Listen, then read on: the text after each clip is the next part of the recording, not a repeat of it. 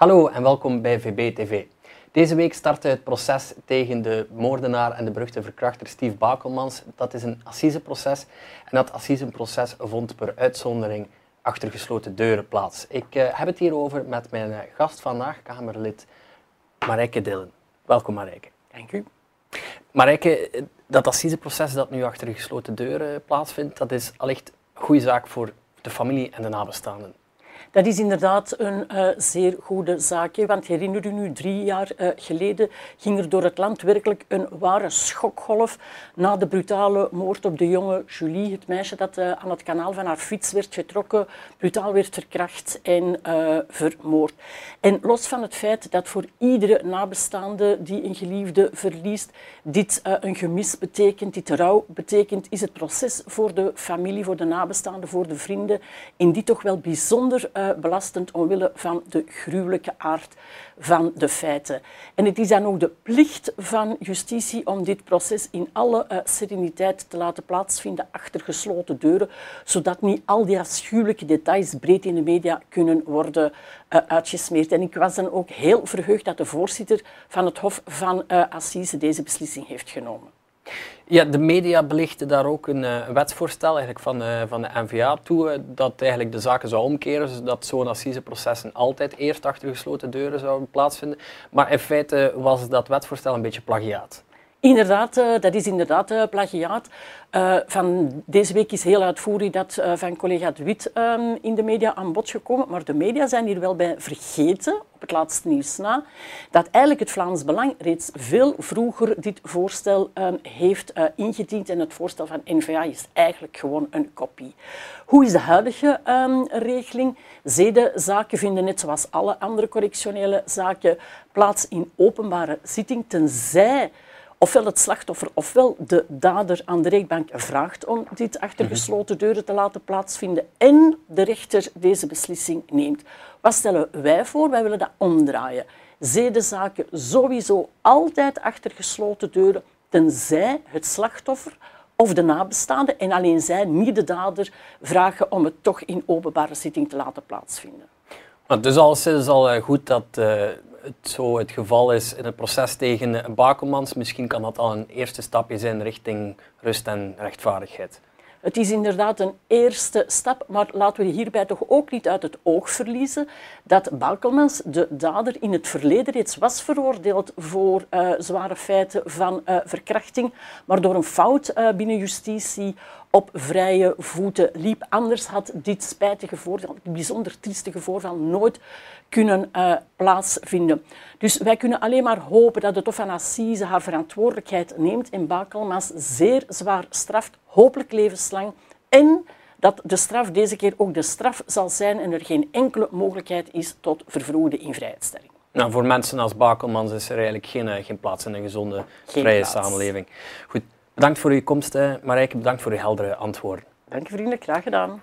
Beste kijker, voordat we overgaan naar onze reportage over kernenergie, wil ik u nog graag even vragen om de, de aflevering te liken en ook te abonneren op onze uitzending. Vivaldi heeft beslist dat in 2025 alle kerncentrales de deuren moeten sluiten. In ruil zullen gascentrales worden gebouwd en zal er massaal energie moeten worden geïmporteerd vanuit de andere landen. Onze bevoorradingszekerheid is in gevaar maar ook uw portemonnee, want uw energie zal aanzienlijk duurder worden. En hier achter mij zullen duizenden jobs verdwijnen. Vivaldi wil dat u anders gaat leven, terwijl ze zelf massaal CO2 door de schoorstenen van hun gascentrales zullen blazen. Volgens Engie Electrabel is een levensduurverlenging van onze jongste kerncentrales niet meer mogelijk.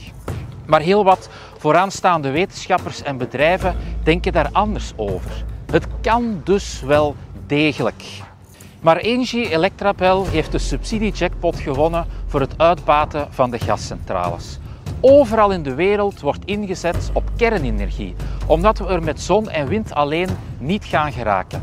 Alleen in Vlaanderen is kernenergie voor de groenen een dogma. Voor het Vlaams Belang is het duidelijk. Het wordt tijd voor gezond verstand. Het wordt tijd dat we het energiebeleid in handen gaan nemen. Daarom moet de levensduur van de jongste kerncentrales worden verlengd en moeten we tegelijkertijd durven inzetten op de kernenergie van de toekomst. Met andere woorden, kleine modulaire kerncentrales die betrouwbaar zijn, geen CO2 uitstoten, amper kernafval produceren en dus vooral uw energie betaalbaar houden. Kernuitstap is dus duidelijk een vergissing. Ook in het nieuws deze week was het Hannah Arendt Instituut. Dat is een VZW die heel wat centjes ontvangt van de Vlaamse regering. Bij mij zit daarover Sam van Rooij, Vlaams parlementslid. Dag Sam. Dag Jonas. Uh, Sam, jij hebt daar uh, gisteren ook in de plenaire in, in het Vlaams parlement natuurlijk een tussenkomst uh, over gedaan, maar misschien nog heel even terugfietsen. Wat is dat instituut precies, dat Hannah Arendt Instituut? Ja, Hannah Arendt is een filosofe en dat instituut is opgericht door Bart Somers, door de Vlaamse regering, vorig jaar al. Uh, overgoten met uh, subsidies. Uh, en het heeft zo gezegd als bedoeling om academisch onderzoek te doen naar stedelijkheid, diversiteit en burgerschap. Maar eigenlijk is dat dus gewoon een dekmantel, een academische dekmantel, voor een propagandavehikel van Bart Somers om zijn eh, Mechelse model, zijn Mechelse hm. diversiteitsmodel, te overgieten met een academisch sausje en dat uh, model te exporteren naar de rest uh, van Vlaanderen. Hè. Dus het is een diversiteitspropaganda-show eigenlijk, heel dat instituut. Um, en ja, dat is natuurlijk te gek voor woorden dat daar zoveel belastinggeld uh, naartoe gaat. En dat kaart ik al uh, meer dan een jaar kaart ik dat natuurlijk aan. Ja, maar het is ook niet de eerste keer dat er naar deze linksliberale denktank uh, centen gaan. Want ze kregen al een startsubsidie van 400.000 euro. Nu komt daar nog eens 805.000 euro bij, als ik mij niet vergis. Maar ik begrijp al één iets niet goed, want de NVA had daar verzet tegen aangetekend. En nu heeft de Vlaamse regering dat alsnog goedgekeurd. Maar ja, N-VA zit natuurlijk toch in de Vlaamse regering, dus wel, wat is er daar uh, anders gelopen? Ja, in het begin was de N-VA helemaal mee met dat uh, instituut van mhm. Bart Somers. Uh, toen heeft de N-VA zelfs nog gezegd, het is iets positiefs, want het gaat over diversiteit, het is goed voor nieuwkomers. Ik heb daar dan felle kritiek op geleverd.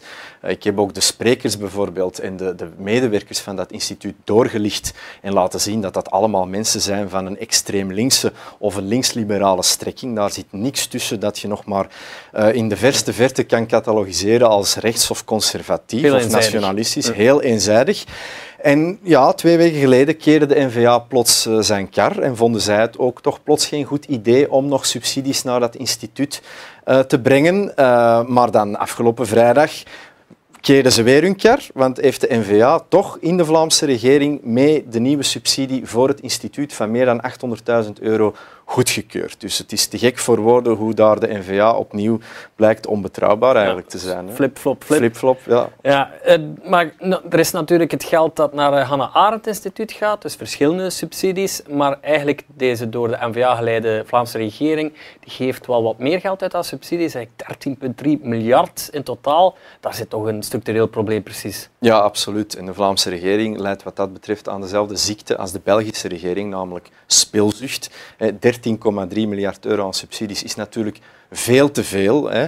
En ik heb dat ook eens opgelijst. Hè. Enorm veel van dat geld gaat naar de diversiteits- en integratie-industrie. Mhm. Gaat naar VZW's die zich bezighouden met multicul, met diversiteit. Gaat zelfs naar de Unie van Turkse Verenigingen. Hier 345.000 euro per jaar. Federatie van Marokkaanse Verenigingen 387.000 euro per jaar. Ik heb dat hier helemaal opgelijst en ik kom dan aan een totaal bedrag van 22 miljoen euro alleen al voor VZW's die de diversiteit, de multicul, de islam propageren. Ja, dat is natuurlijk te gek voor woorden. Daarbovenop is er nog eens een bedrag van 83 miljoen euro dat jaarlijks gaat naar het integreren van al die nieuwkomers. Dus laat ons zeggen, in totaal opgeteld 100 miljoen euro per jaar zou deze Vlaamse regering kunnen besparen op die diversiteit, op die multicul, op die integratie-industrie en geven aan onze eigen mensen natuurlijk. Als er leerlingen met een beperking urenlang op een bus moeten zitten, omdat daar zogezegd geen geld voor is. Als Vlamingen hun energierekeningen niet meer kunnen betalen en ze moeten dan lezen dat er 100 miljoen euro per jaar naar diversiteit en multicul gaat, ja, dat is toch te schandalig en te onrechtvaardig voor woorden. Dus haal dat geld daar weg uit die multicul en die integratie-industrie en geef dat aan onze eigen mensen. Hè. Dat is onze boodschap. Dan kunnen we hopelijk misschien ook iets, eindelijk iets doen aan die uh, wachtlijsten en de gehandicaptenzorg. Nog een goed voorbeeld, inderdaad. Goed. Sam, bedankt voor uw komst. Graag gedaan. En u bedankt, beste kijker, voor het kijken. Graag tot de volgende keer.